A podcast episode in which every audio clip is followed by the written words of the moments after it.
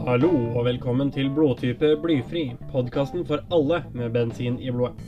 Jeg er Thomas Bjørkhaug, og først i dag vil jeg bare si tusen hjertelig takk til alle dere som hører på og deler podkasten. Det her har virkelig gått fortere enn det jeg hadde trodd, og nå er det 150 personer som liker Facebook-sida Blåtype blyfri. Og i dag skal jeg prate med en bil som har spesiell plass i hjertet mitt. For det står nemlig en ute i garasjen her, og det er også bilen som er i logoen til denne podkasten, nemlig Trabant. Trabant ble produsert av Sachsenring-verket, VEB, på bestilling av staten i Deutsche Demokratische Republikk, eller DDR. Dette er rett og slett for å gi folket en bil. Målet var at den skulle være billig å produsere, lett å vedlikeholde, og mangelen på stål førte til at karosseriet ble produsert i duroplast. Duroplast er en form for termoplast som er produsert ved at bomull, som ofte var gjenvinna, blir pressa sammen med en epoksy, som da blir et materiale som ligner veldig på glassfiber. Dette er lett og forholdsvis solid materiale, som heller ikke ruster. Før Travanten hadde en IFA. De produserte biler designa av DKV før krigen, men disse ble fort ansett som gammeldagse, og ble derfor modernisert ved Sachsenring-fabrikken i Zwickau med et duroplastkarosseri. Fortsatt med IFA-totartan på 18 hester. Denne ble produsert fram til 1957, da den første Travanten kom på markedet. Den første modellen under Trabant-merket fikk navnet P50. Dette fordi den hadde plastkarosseri og en 500 kubikk luftkjølt tosylindra totaktsmotor. Den hadde flere moderne trekk, bl.a. tverrstilt motor, framhjulsdrift og uavhengig hjuloppheng. Dette var en liten bil med to dører som var tilgjengelig som sedan eller stasjonsvogn. Motoren hadde 18 hester, som ble oppgradert til 20 hester etter hvert.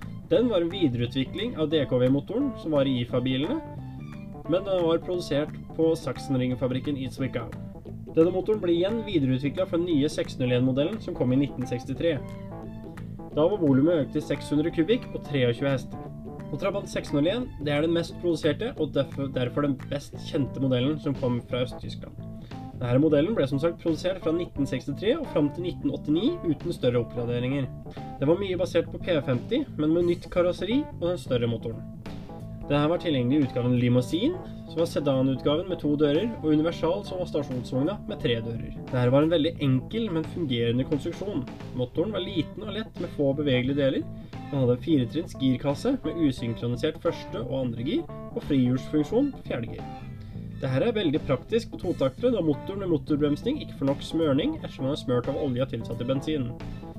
Men med frihjulsmekanismen kan man da slippe gassen i fjerde gir uten å måtte ta den ut av gir, det var også rattgir, som var veldig praktisk, der må man gire mye pga. den lille motoren. Girkassa hadde også en annen særegenhet, det var at istedenfor utløserlager, så er det på disse bilene en grafitt utløserforing. Og det her fungerer bra nok, men blir fort slitt hvis man holder kløtsjpedalen inne. Og da skal vi ta en nærmere titt på motoren. Det er en 600 kubikk med 23 hester i starten, som jeg sa tidligere, den siste fikk 26 hester. Dette var interessante motorer, ettersom tenningssystemet på de to sylindere er helt atskilt, med egne tenningsbrytere og separate coiler. Dette gjør at bilen nesten garantert alltid går på minst én sylinder. Det gjør også feilsøking enklere, da man kan bare bytte over deler helt til feiltenninga bytter sylinder. Senere modeller fikk elektronisk tenning. Forgasseren var en meget enkel modell, som sitter på veivhuset. Blant annet er sjåkfunksjonen uten spjeld, men har en ventil som slipper til mer bensin. Denne har tre posisjoner. Helt inn for bruk under kjøring, halvt ut for varmstart og helt ut for kaldstart. Forgasseren har heller ingen akselerasjonspumpe. Bilene har heller ingen bensinpumpe, men istedenfor er det tyngdekraft som blir brukt. Tanken sitter over og litt bakenfor motoren i motorrommet, med bensinkran, ganske likt som på mopeder og motorsykler. Dette fungerer greit nok, utenom i lange oppoverbakker med lite bensin på tanken, da flottørkammeret går tomt. Det var heller ikke standard med tankmåler, men i stedet for var det en peilepinne for å måle nivået i 23-literstanken. Denne tanken ble senere byttet ut med 26-liters tank.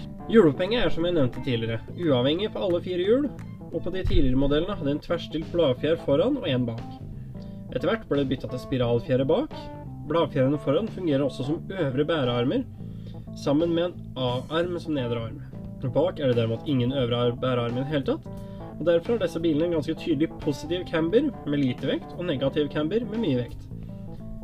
Ellers kan det nevnes at bilene hadde trommelbremser på alle fire hjul, med ventilerte tromler og to hjulsylindere foran, og enkle hjulsylindere bak. Hjullagrene består av to vanlige hjullagre per hjul, som er pressa sammen med akseltappene. De tidligste modellene hadde såkalte hengselledd på drivaksjene, i stedet for universalledd, som er det som er i bruk i dag. Disse kom for så vidt på senere modeller. Og hengselledda de ligner veldig på mellomaksjer. Og interiøret det er enkelt med to seter foran og en sofa med plass til to voksne bak. Det var ofte flere i bilen, men det er det de er registrert som nå.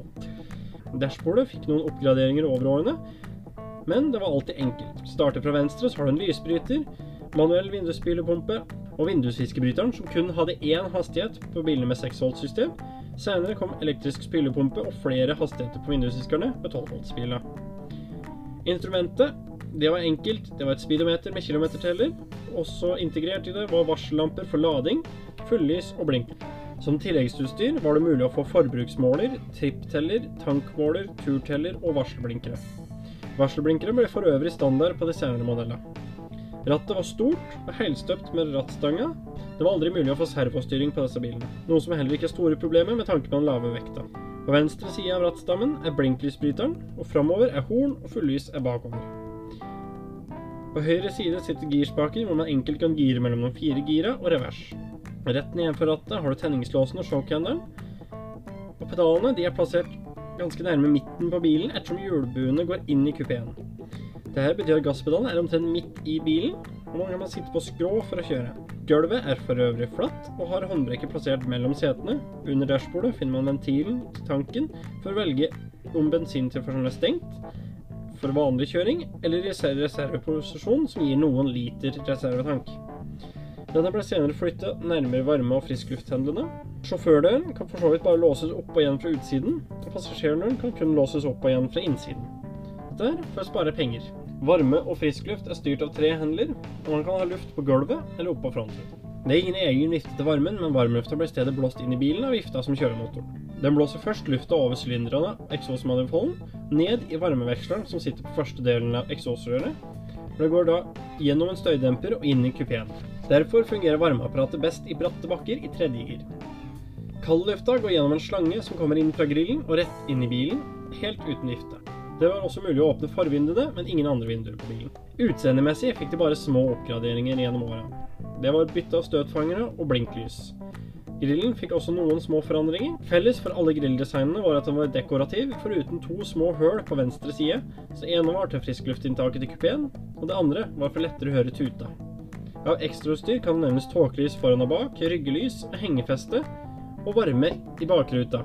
Og det ryktes at det var varmen i bakruta som var grunnen til at de gikk over til 12 volt. Felgene var stålfelger i alle år. De første hadde fire åpninger, de var for slangedekk, og de seinere med åtte åpninger for slangeløse dekk. I starten kom de med aluminiumshjulkapsler som dekka hjulboltene, men på seinere modeller ble de erstattet av gummikapsler som kun dekker navet. Eksosrøret går på skrå ut under venstre bakskjerm, sannsynligvis for å få blårøyken lengst unna fotgjengerne selv om en veljustert bil med rett oljeblanding ikke ryker på varmmotor. De var tilgjengelig i flere farger, men man kunne ikke bestemme fargen sjøl da man bestilte, ettersom det her kom an på hvilken farge som ble produsert den dagen bilen din ble produsert. I 1989 falt Berlinmuren, og den nå gamle modellen 601 var utdatert, og salget gikk nedover. Da ble det bestemt at de skulle forsøke å holde liv i bilen ved å bruke en Volkswagen-motor på 1,1 liter, produsert av Barkas under lisens. Denne produksjonen startet i mai 1990 og varte til april 1991. Motoren hadde 40 hester og en firesylindra firtaktsmotor med vannkjøring. Den fikk en firetrinns girkasse og girspaken på gulvet. Bensintanken ble flytta bort fra motorrommet, og fikk nå spiralfjære foran og skivebremser. Spiralfjærene bak hadde jo kommet noen år før på 601. Men disse bilene ble rett og slett for dyre og gammeldagse, så det ble ingen salgssuksess. Det endte med å bli solgt bare 39 474 av Trabant 1,1, og hele 3 96 999 av de tidligere modellene. Det høres jo rimelig bra ut, men det er jo ikke sånn at folk hadde så mye annet å velge mellom. Det var også mange års ventetid på Trabanter. Folk måtte ofte vente 10-15 år før de fikk bilen. Dette var fordi fabrikken var for liten, og det ble aldri investert i utvidelser. Flere mer moderne prototyper ble utvikla, men staten avslo alle disse forslagene. Bilene ble for øvrig også eksportert til andre land under Sovjetunionen, men også i vestlige land, blant disse Norge. Det var en billig bil her i landet, men den ble aldri populær ettersom man kunne kjøpe bedre biler for ikke så mye mer, og folk var fortsatt skeptiske til å støtte Øst-Tyskland. Men Trabant har i ettertid blitt veldig populær i Tyskland, og rett og slett blitt en kultbil. Det foregår fortsatt mye modifiseringer, og deler er fortsatt lett tilgjengelig, både nyproduserte, new old stock og overhalte deler. Trimming er heller ikke unormalt i Tyskland, både av de originale totaktsmotorene og med motorbytte bl.a. til Hayabusa og Volkswagen VR6-motorer. Det finnes mange av bilene enda, ettersom karosseriene er nesten umulig å bli kvitt. Ikke ruster de, de kan ikke brennes pga. avgassene, og den eneste måten er å male dem oppå, så blir altfor dyrt. Derimot så er metalldelene i bærende konstruksjon av dårlig kvalitet og tynt materiale så ruster godt, men det er mange sveisedeler å få kjøpt. Da tenkte jeg å ta med litt om en personlig trabant. Både motoren og karosseriet er bygga i desember 1965, så er den registrert som 65-modell, men sannsynligvis en 66-modell. Den har opp noe oppgradert utseende og interiør, men teknisk sett er det fortsatt en 65-modell. Det er sedanutgave uten ekstrautstyr, men noen ting har blitt lagt til i ettertid. Blant annet så er det nå to speil, varselblinkere og trepunktsbelter uten ruller foran. Og en tidsriktig, men dekorativ radio som jeg hadde liggende. Det ser ut til at den opprinnelig ble solgt til Polen, hvor den var fram til ca. 2007, den ble tatt inn til Norge. Denne personen registrerte aldri bilen her i landet. Jeg kjøpte bilen i oktober 2016 og jobba med den av og på fram til april 2018. Da var den klar for teknisk kontroll på Kongsvinger trafikkstasjon. Denne kontrollen var 13.4.18 og gikk greit for seg. Bilen fikk mye oppmerksomhet av de ansatte som kom innom hallen for å se på bilen.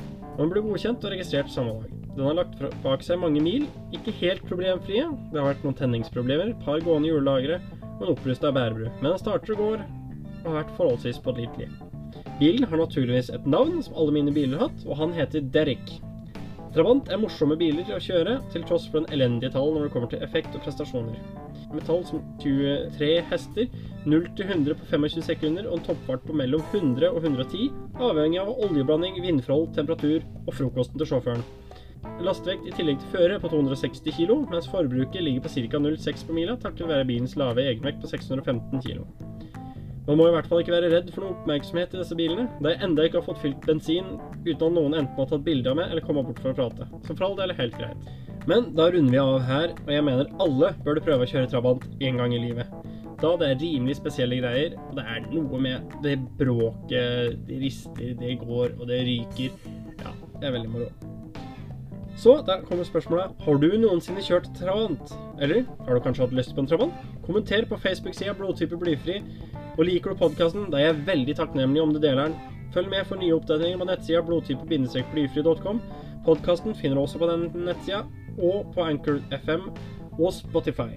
Takk for at du hørte på Blodtype blyfri, og ha en fantastisk dag videre.